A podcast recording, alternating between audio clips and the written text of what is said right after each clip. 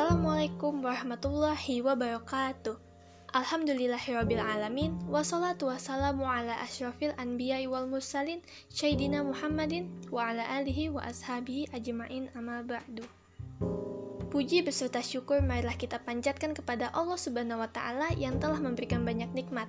Tidak lupa salawat dan salam tercurahkan kepada Nabi Muhammad Wasallam, keluarganya beserta sahabat-sahabatnya. Semoga kita semua mendapatkan syafaatnya dan mendapat petunjuk hingga hari kiamat kelak. Amin amin ya rabbal alamin. Pada kesempatan kali ini, izinkan Ana untuk membawakan sebuah kultum yang bertemakan menyambut tahun baru Islam. Alhamdulillah, kita diberikan kesempatan oleh Allah Subhanahu wa taala untuk merasakan nikmat hidup hingga kita bisa sampai pada 1 Muharram 1443 Hijriah yang juga merupakan tahun baru Islam.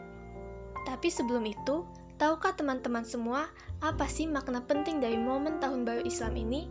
Kemudian, apa saja keistimewaan dari bulan Muharram itu sendiri? Kalau belum, mari kita ulas. Jadi yang pertama adalah bulan Muharram. Bulan Muharram merupakan bulan pertama menurut penanggalan Islam yang mulai dihitung sejak hijrahnya Rasulullah Wasallam dari Mekah ke Madinah. Momen hijrah ini menunjukkan proses berpindahnya kaum muslim dari satu keadaan kepada keadaan lain yang lebih baik. Meski mengorbankan banyak hal, namun tidak menyurutkan langkah karena apa yang dituju semata-mata hanyalah karena keriduan Allah Subhanahu wa taala. Setelah hijrah ke Madinah, penyebaran agama Islam pun semakin masif dan luas ke beberapa daerah sekitarnya, hingga mampu mengantarkan Islam pada kejayaannya. Semangat ini bisa menjadi dorongan juga bagi kita saat ini untuk terus memperbaiki diri dari tahun sebelumnya, sehingga di tahun berikutnya kita bisa menjadi pribadi yang lebih baik lagi. Selanjutnya, apa saja keistimewaan dari bulan Muharram, bulan yang dimuliakan Allah Subhanahu wa taala? Yang pertama, termasuk empat bulan Muharram. Bulan Muharram menjadi salah satu dari empat bulan haram atau bulan suci. Disebut bulan haram karena bulan ini dimuliakan masyarakat Arab sejak zaman jahiliyah sampai zaman Islam. Pada bulan-bulan haram ini tidak boleh ada peperangan. Kemudian yang kedua dinamakan Syahrullah atau bulan Allah.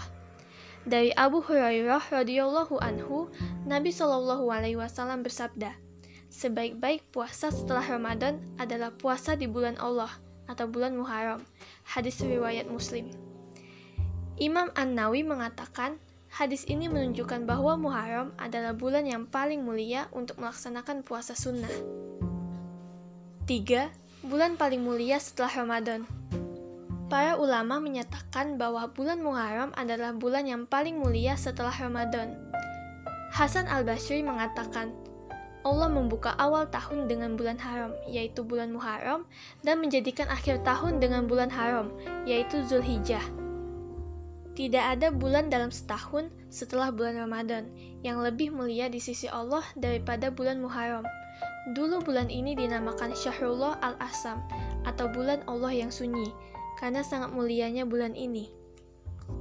Kemudian yang terakhir, disunahkan untuk berpuasa dari Abu Hurairah radhiyallahu anhu, Rasulullah shallallahu alaihi wasallam bersabda, Puasa yang paling utama setelah Ramadan adalah puasa di bulan Muharram.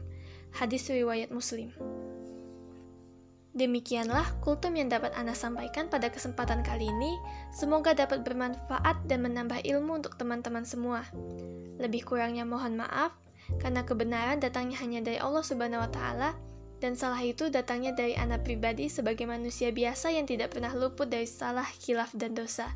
Saya akhiri, wabillahi taufiq wal hidayah, wassalamualaikum warahmatullahi wabarakatuh.